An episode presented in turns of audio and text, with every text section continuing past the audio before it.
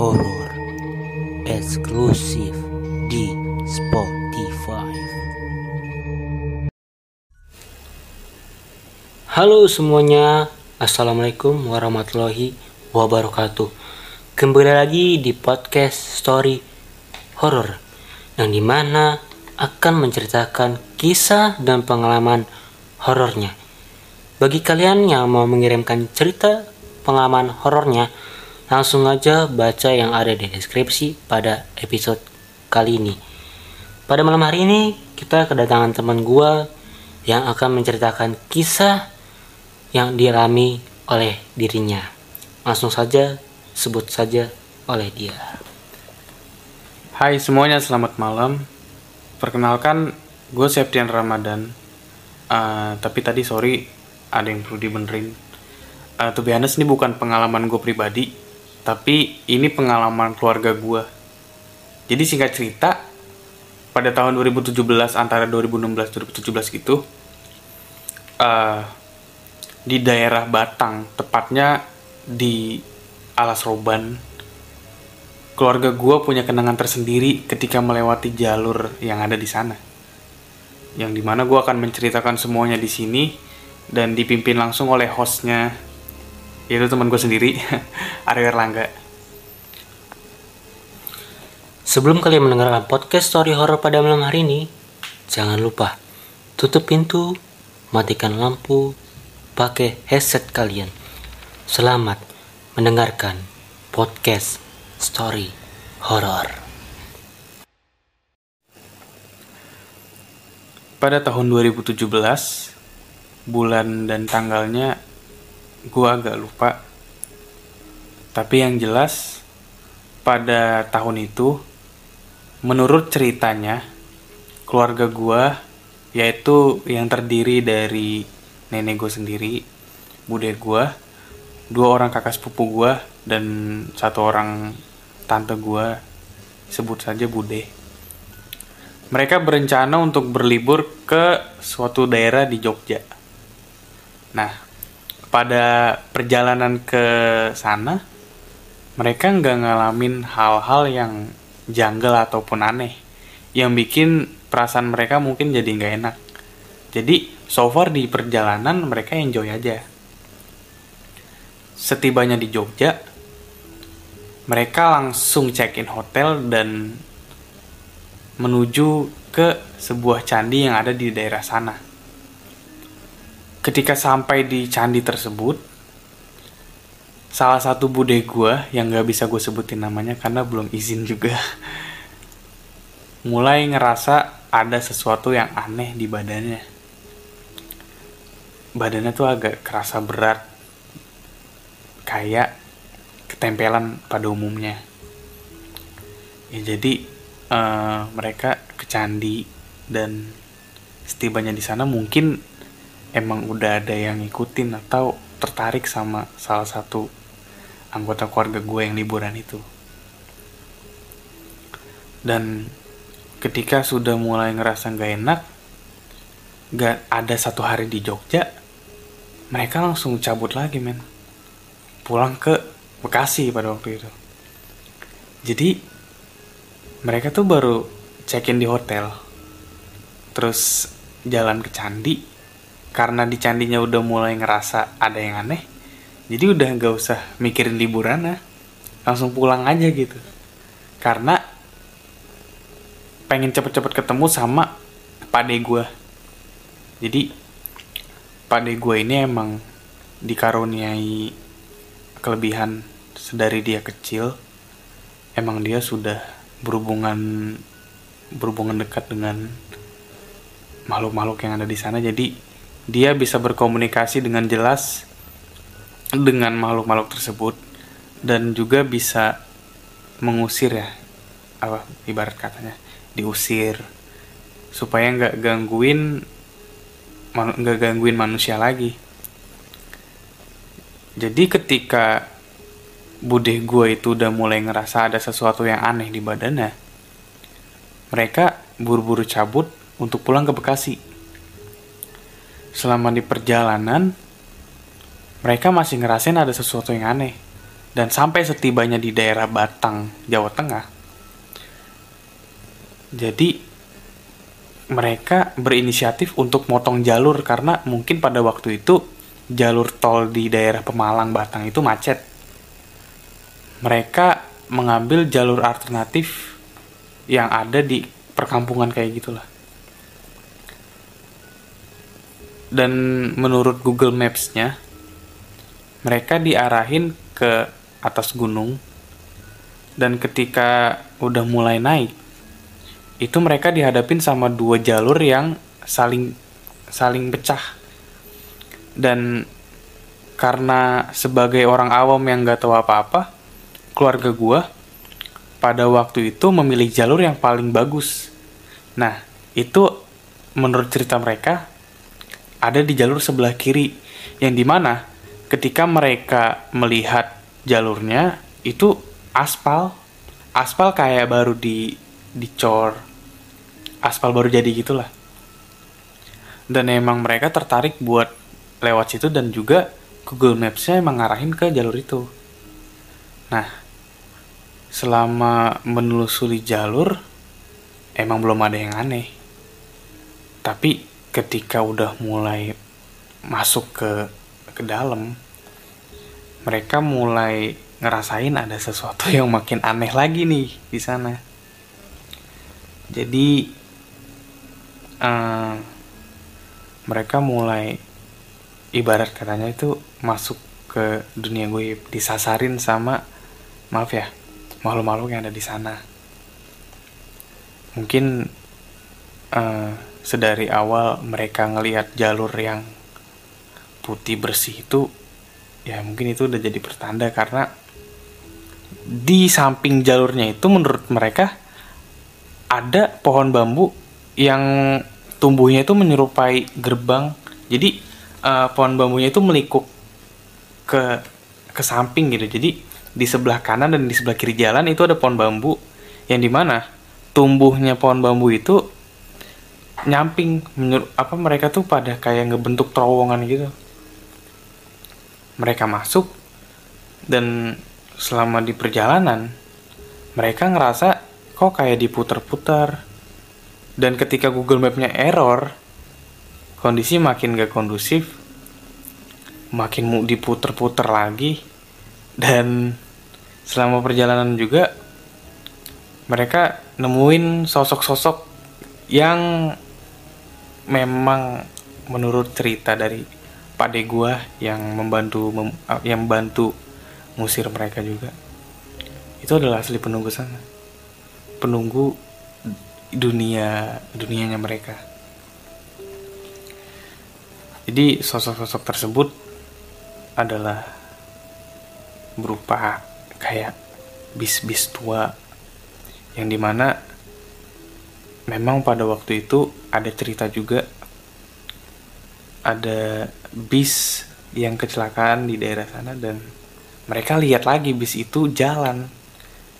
Jalan uh, sepertinya sih uh, gak, gak ketahuan ya ada penumpang atau pengemudinya atau enggak. Tapi yang pasti mereka ngelihat bis itu jalan dari arah depan. Secara log logikanya gini itu jalan benar-benar cuma muat satu mobil tapi ketika mereka ngelihat di depan ada bis, itu spontan mereka panik dan buru-buru nyari jalur atau paling parahnya keluar jalur demi demi si bis ini untuk bisa lewat gitu. Karena waktu itu posisi jalan hutan, uh, gimana ya? Menurut gue ini nggak logis aja. Jadi waktu mereka ber, berpapasan itu, mobil bude gue sama sekali nggak keluar jalur dan itu jalur jalur cuma cukup satu mobil. Tapi anehnya bisnya itu bisa lewat. Jadi logikanya bisnya itu melayang. Karena di samping kanannya menurut cerita mereka itu kan jurang ya. Jadi ya di gambarinnya itu bisa melayang di atas jurang nah mungkin emang itu adalah sambutan dari penghuni sana. Dan juga uh, banyak banyak sosok-sosok yang menyerupai manusia. Contohnya di di sana mereka juga disalib sama dua apa kalau di sana namanya itu joki balap liar gitu yang tahu kan? Lu yang suka speeding motor motornya tuh motor racing gitu. Nah dari arah belakang mereka disalip sama dua pemotor itu. Dan emang gak logis aja. Ada ada dua orang balapan tengah malam dalam kondisi hutan yang gelap. Dan itu posisinya nyalip mobil bude gue gitu. Dan mereka terus-terus ikutin jalan sampai kurang lebih disasarin di sana itu 6 jam. Selama perjalanan ya masih jalanan aspal masih bagus gitu. Dan mereka juga nggak ngerasa itu itu penunggu sana. Nah ketika mobil udah mulai masuk gangguan makin makin gak kondusif lagi banyak gangguan dari makhluk hewan kayak kalong tapi kelelawar yang apa ukurannya gede gitu. Cuman ukurannya itu nggak di luar di luar nalar. Biasanya kelelawar pada umumnya kan ya paling setangan manusia. Kepalan sayapnya juga paling ya nggak nggak gede-gede banget lah. Cuman yang bikin shocknya itu ukuran dari kalongnya itu segede badan manusia. Ketika ngepakin sayapnya ya itu benar-benar lebar banget. Dan itu posisinya ketika ngelihat makhluk kalongnya itu ada di depan kaca mobil persis. Jadi spontan mereka pada kaget kan. Nah dari situ mereka mulai ngerasa ada yang nggak ada yang nggak beres nih sama jalanan ini terus uh, mereka juga nemu warung makan. Kalau lu uh, pikir pakai logika nih mana ada Bank BCA, Bank BNI, Indomaret di tengah hutan? Itu literally di atas gunung. Ada Indomaret ada Bank BCA dan itu sama sekali nggak ada penghuninya. Tapi mereka ngelihat itu jelas. Ada Bank BCA di sana ada warung makan dan salah satu sosok yang bikin gua merinding pada waktu itu ya mereka lagi booming boomingnya lah. Apa tragedi itu di keluarga gue. Ada satu sosok yang bikin gue benar-benar merinding banget. Jadi ketika mereka ada di tikungan mereka ngelihat ada sosok kakek-kakek. Ya kakek-kakek udah tua gitu posisinya si kakek itu lagi jongkok di pinggir jalan. Sampai sekarang juga gue nggak ngerti maksud dan tujuan dia apa. Jongkok di pinggir jalan gitu. Dan selama perjalanan ketika mereka udah mulai ngerasa aneh sama situasinya yang makin makin horor gitu mereka mulai baca doa minta diberi keselamatan oleh Tuhan yang Maha Kuasa. Dan juga ketika udah mulai kesasar banget nih itu kurang lebih 6 jam di atas gunung dan itu kerasa cuman muter-muter tempat situ aja. Dan tempatnya juga tetap kayak aspal putih bersih gitu. Pinggir kanan kiri kanan jurang. Dari mulai mereka ngelihat bis yang yang bisa ngelewatin mereka padahal itu jalan setapak. Terus mereka ngelihat bang bang ini gue sebut ini gimana? Gue udah terlanjur sebut itunya.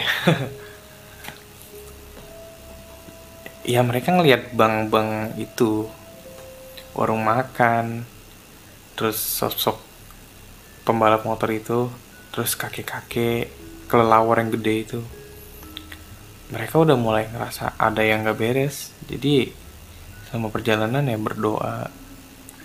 Dan alhamdulillah setelah selesai disasarin sama penghuni sana akhirnya alhamdulillah keluarga gua itu ketemu sama warga asli. Ini warganya beneran manusia nih. Jadi ada tiga orang bapak-bapak gitu dan mereka sepertinya habis turun dari atas gunung buat ambil ya hasil panennya mungkin ya. Kan orang sana mah suka bercocok tanam ya di atas gunung. Nah pas banget mereka ketemu sama bapak-bapak itu dan ketika gue berani diri untuk turun dan nanya ke mereka ternyata em, mereka beneran orang gitu. Jadi bisa dibilang bude gue setelah setelah baca-baca doa di sana minta diberi keselamatan itu langsung dikeluarin dari dunianya mereka. Dan ketika bude gue nanya jalur keluar apa? Keluar Pemalang atau jalan raya eh jalan raya Batang ya? Apa jalan raya Alas Roban gitu? Nah pokoknya ketika bude gue nanya ke mana jalur ke ke keluar jalan raya ini si bapak-bapaknya itu bilang tinggal lurus aja turun ke bawah. Padahal kalau diputar ke belakang lagi nih hampir 6 jam itu bude gue cuma muter-muterin gunung dan sama sekali nggak nemu jalur keluar ke jalan raya itu. Jadi emang yang bikin mereka makin yakin kalau mereka ini benar-benar disasarin di dunia goib itu. Ada satu bapak-bapak yang engeh sama ban mobil. Nah jadi gini. Bapak-bapak itu jadi nanya e, ibu kok itu bannya bersih? Padahal kan jalan di sana tanah. Kenapa bana bersih? Spontan bude gue jawab enggak kok pak. Jalanan di sana aspal bersih. Wow dang itu tiga orang bapak-bapak itu langsung kaget. Dan mereka tahu apa yang terjadi sama bude gue sekeluarga mau semobil itu pokoknya bapak-bapak itu langsung tahu ketika ngelihat ban mobilnya bersih. Padahal jalanan yang habis lewat itu jalanan tanah. Mereka langsung tahu kalau wah ibu di sasarin di dunia goib. Itu eh, langsung lemes langsung kayak udah gak gak percaya aja saking gak percayanya itu sampai diceritain berhari berkali-kali. Mereka tuh sampai kayak nanyain ke ustadz nyari-nyari berita di sosial media dan ternyata kasus yang terjadi di keluarga gue ini bukan cuma dialami nama mereka doang tapi banyak orang juga yang disasarin di alas roban. Nah jadi keluarga gue ini adalah salah satu korban yang disasarin di sana juga. Nah setelah mereka berhasil keluar dari dunia goib itu terornya itu nggak selesai sampai di situ aja. Ketika udah sampai di daerah Cirebon mereka singkat cerita mampir ke toko ya toko makanan ya toko swalayan gitulah buat beli camilan. Nah ketika mereka mampir itu emang posisinya dari hal sorban itu ada yang nempel ke apa di dua kakak gue ini kan.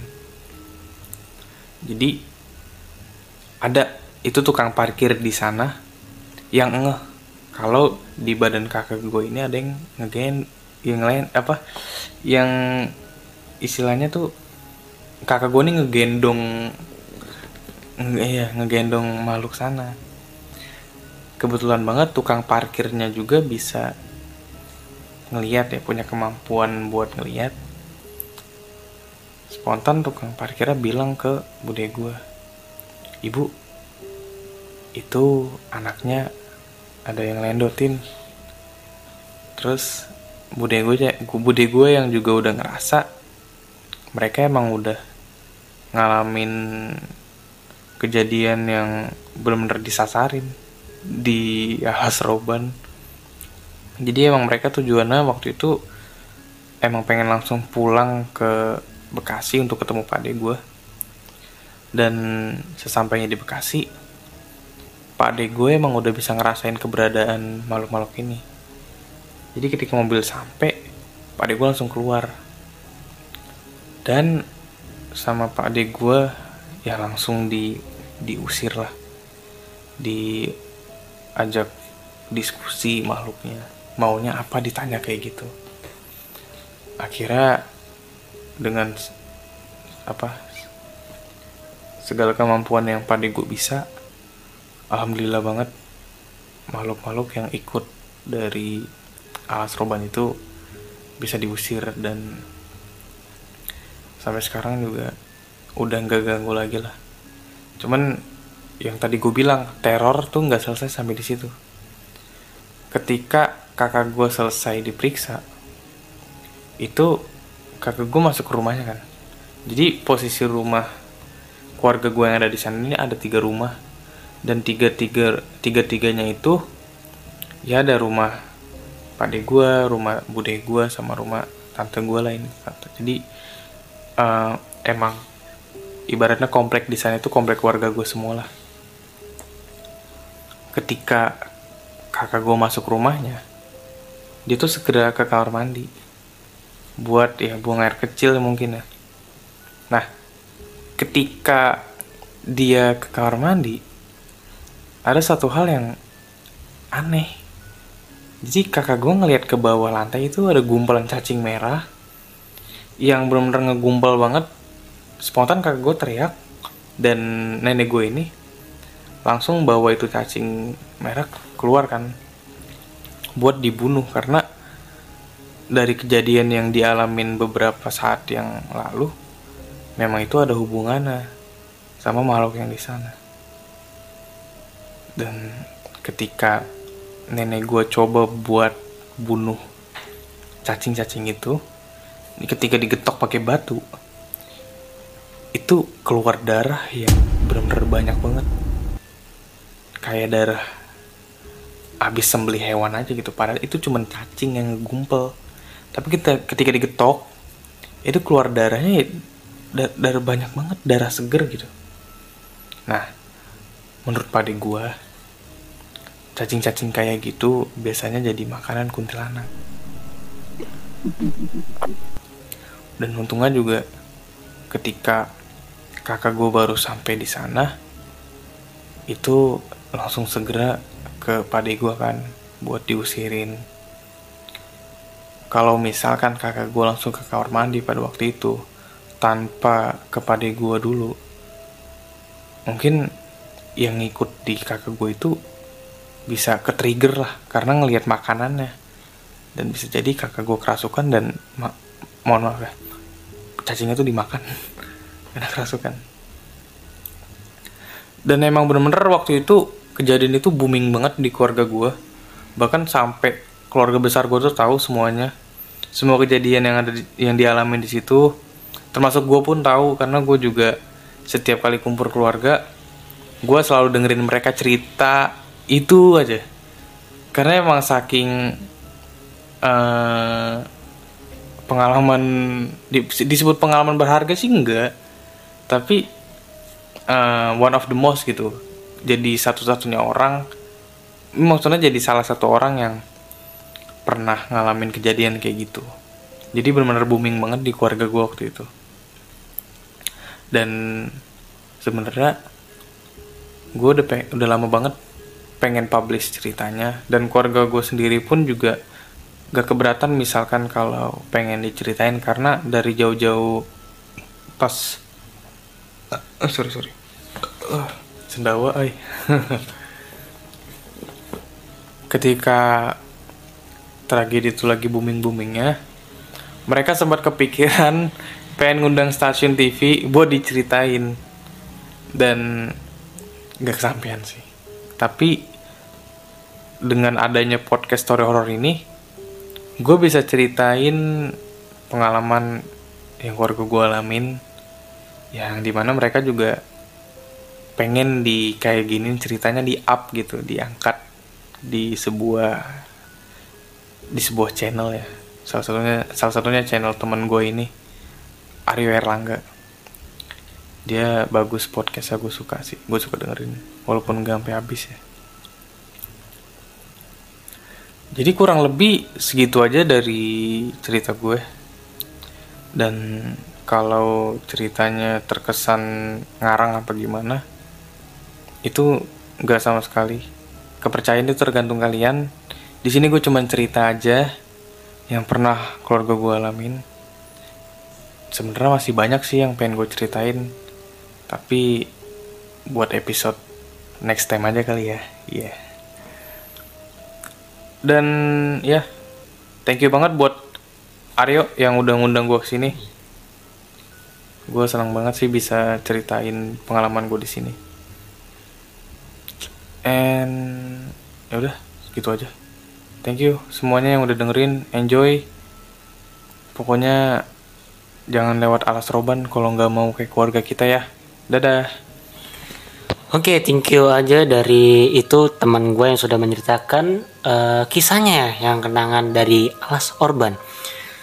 Thank you banget buat temen gue Septian Ramadan okay, yang, su yang sudah menceritakan uh, kisahnya dari pengalaman keluarganya. Oke, okay, langsung aja kita tutup pada episode kali ini. Bagi kalian yang mau mengirimkan cerita pengalaman horornya, langsung aja baca yang ada di deskripsi pada episode kali ini. Dan jangan lupa follow Instagram uh, teman gue ini Septian Ramadan yang ada di deskripsi pada episode kali ini. Oke, sekian terima kasih pada episode kali ini. Wassalamualaikum warahmatullahi wabarakatuh.